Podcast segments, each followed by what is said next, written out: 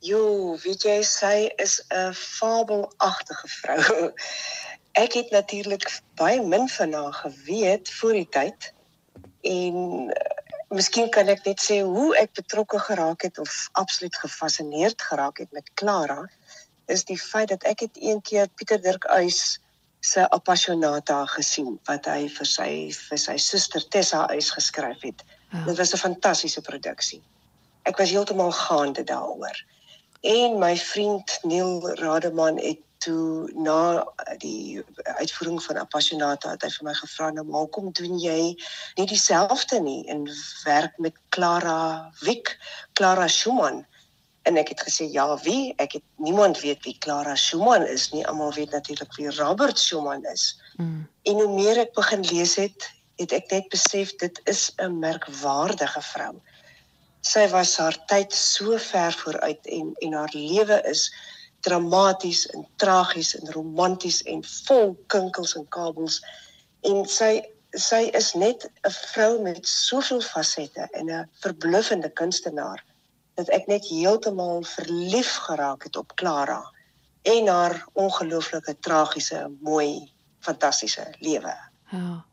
Jo Mariana, dit moet 'n uitdaging wees. Jy het nou die teks geskryf vir die stuk om om 'n persoon met so 'n ryk lewe in wie se lewe daar soveel goed gebeur het om dit in 'n wat 'n uur drama saam te vat? Ja, en en natuurlik met die musiek daarbey want dit is dit is 'n stuk wat ek geskryf het vir aktrise en pianis. O. So ongeveer die helfte daarvan ehm um, is is ehm um, musiek of musiekuitvoering. En natuurlik, wie anders wat die musiekuitvoering moet doen as ons eie Nina Schumann. Hmm. Dit is dis net een van daardie ongelooflike toeloop van versameling van omstandighede dat ons vir 'n Nina Schumann het wat ja. Clara Schumann se se lewe en se werk kan vertolk. So dit dit is ek het dit is die ander aspek van wat my so gefassineerd gemaak het met Clara is dat ek einste vir Nina Schumann te sien gekry het en sy het 'n virtuose um vertoning gegee van Mendelssohn se tweede uh, klavierkonsert. En ek het net besef daar's net niemand anders wat my Clara kan kan die musiekgedeelte kan vertolk as as Nina nie. Ek bedoel dit is mos nie toevallig. Ja. dit is ja, ja. Dit, dit het net gevra vir 'n musiekstuk. So ek neem aan die musiek van Clara word uitgevoer as sy self dan komponis was of hoe werk dit? Ja, sy was sy was ook komponis. Kyk, dit was hierdie klein meisietjie wat op 4-jarige ouderdom eers by haar ma begin 'n uh, klavierles neem. Met haar ma was 'n beroemde sangeres, Marianne. En toe die ma voort met 'n minnaar en die klein boeties en toe het ehm um, uh, Clara se pa, Friedrich Wick, wat ook ehm um, klavier vir klaviere verkoop het en musiekles gegee het toe hy haar opleiding oorgeneem. En hy was bietjie van 'n tiran, ek dink hy was nie 'n bietjie tiran nie, hy het haar lewe tot in elke noukeurigheid het hy beplan en hy het gesê hy gaan van haar 'n virtuoos maak en sy was hierdie wonderkind. So sy het al hier op 9 jarige ouderdom van 9 jaar het sy begin komponeer. En eh, van natuurlik, daar musiek word gespeel, maar haar lewe is so intens verweef met met Robert haar, haar man mm. wat ehm um, natuurlik word sy musiek gespeel en sy was die muse en baie mense wil natuurlik hê dat sy ook die minnares was, maar sy ek ek twyfel of dit sy ooit sy minnares was nie, alhoewel hulle 'n diep uh, innige verhouding gehad het met Johannes Brahms. So hmm. Johannes Brahms se musiek word gespeel, Schumann se musiek en natuurlik Clara. Want eh, met Robert se bekendheid het sy so drie eeue net doodgewoon in die vergetelheid weggeraak. En ek wonder wat sou sy gedink het as twee eeue na haar na haar geboorte dit sy besef in die suidpunt van Afrika in 'n klein dorpie op Heidelberg is daar met die mooi Duitse naam Heidelberg is daar 'n virtuoos met die naam Nina Schumann wat Clara Wick se lewe bespeel en ehm um, ja, as in haar lewe uitbeeld. Wie is die aktrise? Want soos ek verstaan, vertolk sy die rol van Clara of 'n jonger Clara? ehm um, die aktrise wat Clara vertolk is Carla Smith. En weer eens is daar vir my so klein stukkie mooi toevalligheid omdat Carla en Clara ja. se is eintlik maar net 'n verskommeling van hulle letters en sy lyk verstommend na Clara. Jy kan dit nie glo nie. Jy gaan kyk nou maar na die uh, afbeeldings in die skilderye wat daarvan van ehm um, Clara Schumann is, dan sien jy dit is 'n moderne klein Clara, Carla. Ja.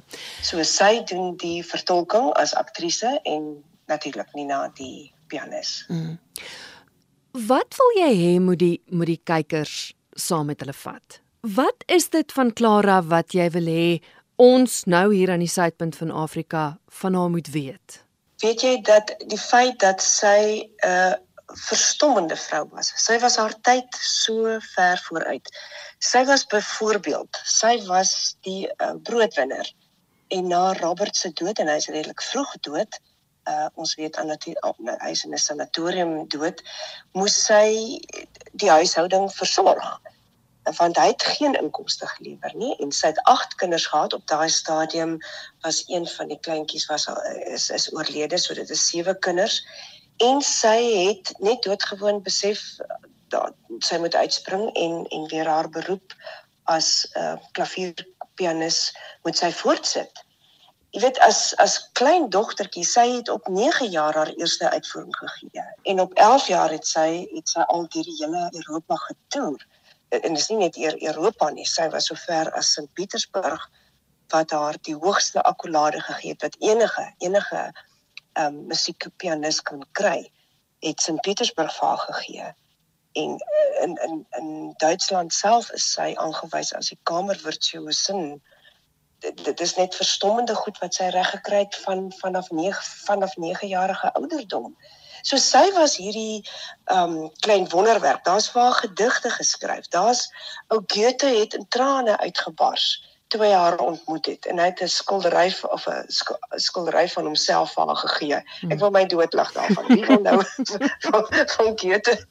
Hulle moes hom agterna nawe want hy was net heeltemal oorstelp deur die talent van van hierdie jong meisietjie.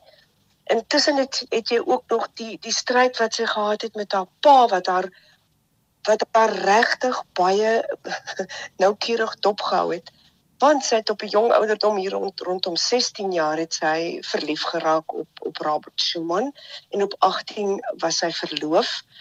En en haar pa Friedrich het net gesê nee niks hiervan nie. Hierdie is 'n is 'n talentlose niks nuts so.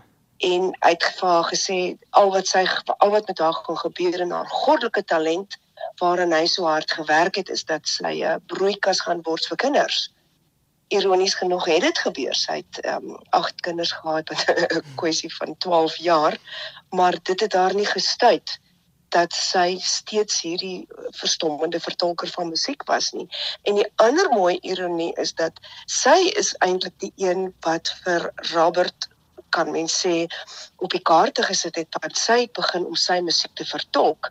Hy was 'n onbekende jong komponis. Goed, hy het beroemd geraak en hy word almal weet wie hy is. Mm. So wat ek wil gesê het met met Clara is dat 2 eeue gelede was daar 'n briljante vrou, 'n kunstenaar, 'n vegter, 'n 'n vrou wat nie gaan lê het nie, 'n vrou wat die muse was van soveel ander kunstenaars, 'n vrou wat uh, haar talente het net nie einde gehad nie en dat sy tot aan die einde van haar lewe was sy intens bewus van Robert se nalatenskap en het sy sy nalatenskap uitgebou. Want al wat hy wou gehad het was champagne en stilte. En sy het dit vir hom gegee sonder enige voorbehou het sy gesorg dat hy sy kuns kan kan uitleef. Maar dit terwyl sy eintlik die anker van haar familie was en ek het besonder plesier om te dink dat eers moet Clara op 'n wolk sit en kyk wat gebeur met Nina Schumann en Carla Smit wat haar lewe uitbeeld en wys dat sy regtig 'n verstommende vrou is wat haar plek lang, langs haar man enige tyd kan instaan.